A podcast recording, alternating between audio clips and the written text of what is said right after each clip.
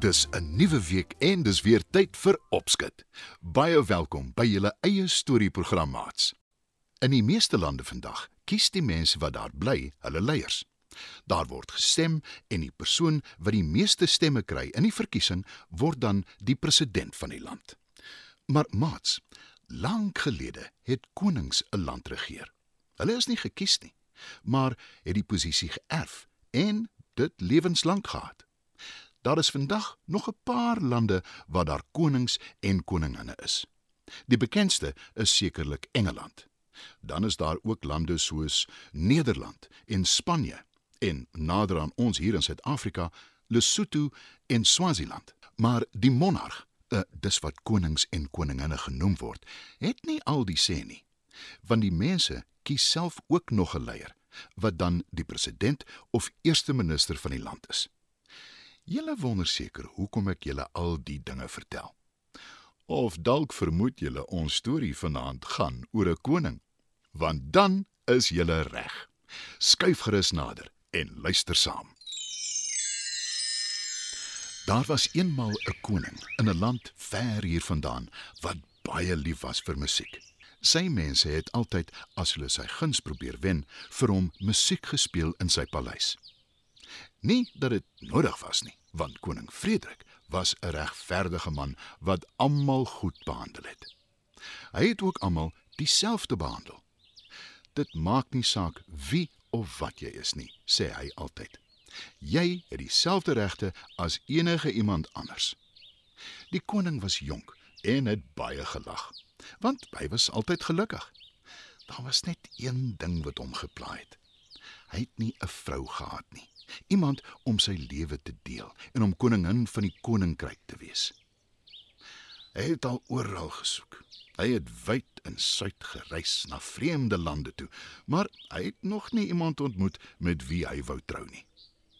Op 'n dag daag daar een van die inwoners van sy koninkryk by die paleis op. Sy vra of sy die koning mag spreek, want sy het 'n geskenk vir hom. Die wagte laat haar in, want hulle sien sy het 'n groot voorwerp by haar.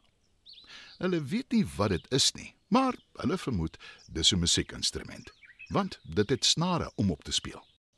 Toe die vrou die koning gegroet het, hou sy die voorwerp uit na hom en sê: "Dit is vir u, u majesteit." Die koning glimlag van oor tot oor en sê: "'n Harp, wonderlik, baie dankie. Bespeel jy die harp?" Nee, ongelukkig nie, antwoord die vrou. Ek ook nie, erken die koning. Toe vra hy haar of sy iemand ken wat hom kan leer. Die vrou dink 'n ruk na. Toe beloof sy die koning sy sal iemand probeer kry. Na 'n paar dae daag daar 'n jong meisie op wat aanbied om die koning te leer om op die harp te speel. Die meisie probeer haar bes, maar kry geen klank uit die harp nie. Al wat gebeur is die snare breek. Die koning, wat gewoonlik soveel geduld het, vererg hom bloediglik en raas. Hou tog net op asseblief. Dis duidelik jy is hier onder valse voorwendsels. Hoekom vertel jy leuns? Jy kan geen die harp speel nie. Die meisie weet dis nie haar plek om te stry nie. Sy laat sak haar kop en sê saggies: "Ek is jammer, U Majesteit. Ek verstaan dit nie." Ek het self 'n harp by die huis en ek speel gereeld die mooiste musiek daarop. Die koning dink 'n ruk na. Toe sê hy: "Miskien moet die een gestem word. Ek sal iemand kry om dit te doen. Daarna kan jy terugkom en ons kan weer probeer." Die meisie bedank hom en vertrek. Die koning kry die een na die ander musiekkenner om die harp te stem. Maar niemand kry dit reg nie. Die koning is tergelykertyd teleurgesteld en vies en hy beveel sy wagte: "Gaan gooi die ding op die ashoop. Dis niks werd nie."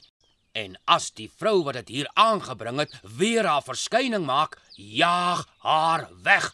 Dis duidelik sy het my 'n poets gebak. Die wagte vat die harp asboop toe, waar 'n jong vrou dit raak sien. Wat 'n pragtige harp. Dit lê hier op die ashoop. Wat beteken niemand wil dit hê nie? Ek gaan dit vir my vat. Sy tel die harp op en begin daarop speel.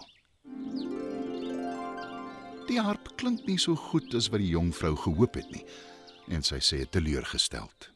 Lyk my daar's iets verkeerd met die harp. Dis seker hoekom dit op die ashoop gelê het. Maar sy gooi die harp nie terug op die ashoop nie. Sy besluit sy gaan aanhou probeer totdat sy 'n beter melodie daarop kan speel. Dit gaan maar sukkel, sukkel, maar sy gee nie moed op nie. Aanhouer wen, sê sy gereeld vir haarself as sy nie meer kan sien om te probeer nie. En toe, op 'n dag, gebeur daar iets verstommend en onvoorspelbaar. Die harp begin van self speel sonder dat die jong vrou eers daaraan raak. Sy kyk verbaas daarna en sê verwonderd: Hoe is dit moontlik? Wat is besig om te gebeur? "Die pragtige harpmusiek word deur die hele koninkryk gehoor en almal wonder wat aangaan." Toe die koning dit hoor, stuur hy dadelik van sy wagte om uit te vind waar die musiek vandaan kom. Die wagte soek en soek, maar hulle kry nie die harp nie. Totdat een van hulle die jong vrou voor haar huisie sien sit langs die harp wat van self speel. Hy klim van sy perd af en gaan nader. Goeiedag. Kan jy my sê wat aangaan? Die koning het my gestuur om my te vind. Sê die wag. Ek het die harp op 'n ashoop gekry. Ek het lank gesukkel en geoefen, maar ek kon nie die soort klank uit die pragtige instrument kry nie totdat dit van self begin speel het. Antwoord die jong vrou. Toe die wag skepties na haar kyk, verseker sy hom sy is net so verbaas soos hy. Kom saam met my na die paleis toe en verduidelik dit vir die koning en bring die harp saam. sê die koning se wag. Die harp het intussen ophou speel. Die jong vrou volg die wag en toe hulle by die koning se paleis aankom en die koning die jong vrou met die harp sien, weet hy dadelik sy soektog is verby. Hy het sy lewensmaat gekry. Sy vertel hom alles wat gebeur het en hy vra, Wat is jou naam? Rosa, antwoord die vrou. Toe sê die koning, Dis hoekom die vrou die harp vir my gebring het. Die simpel harp wat nie wou speel nie, dit was om my en jou bymekaar uit te bring. Sy moet dadelik beloon word. die koning vra Rosa om met hom te trou en sy stem skaam in. Sy word die koningin van die koninkryk en al die inwoners is lief vir haar. Sy en die koning is baie gelukkig saam. En Daar is altyd harpmusiek in die paleis.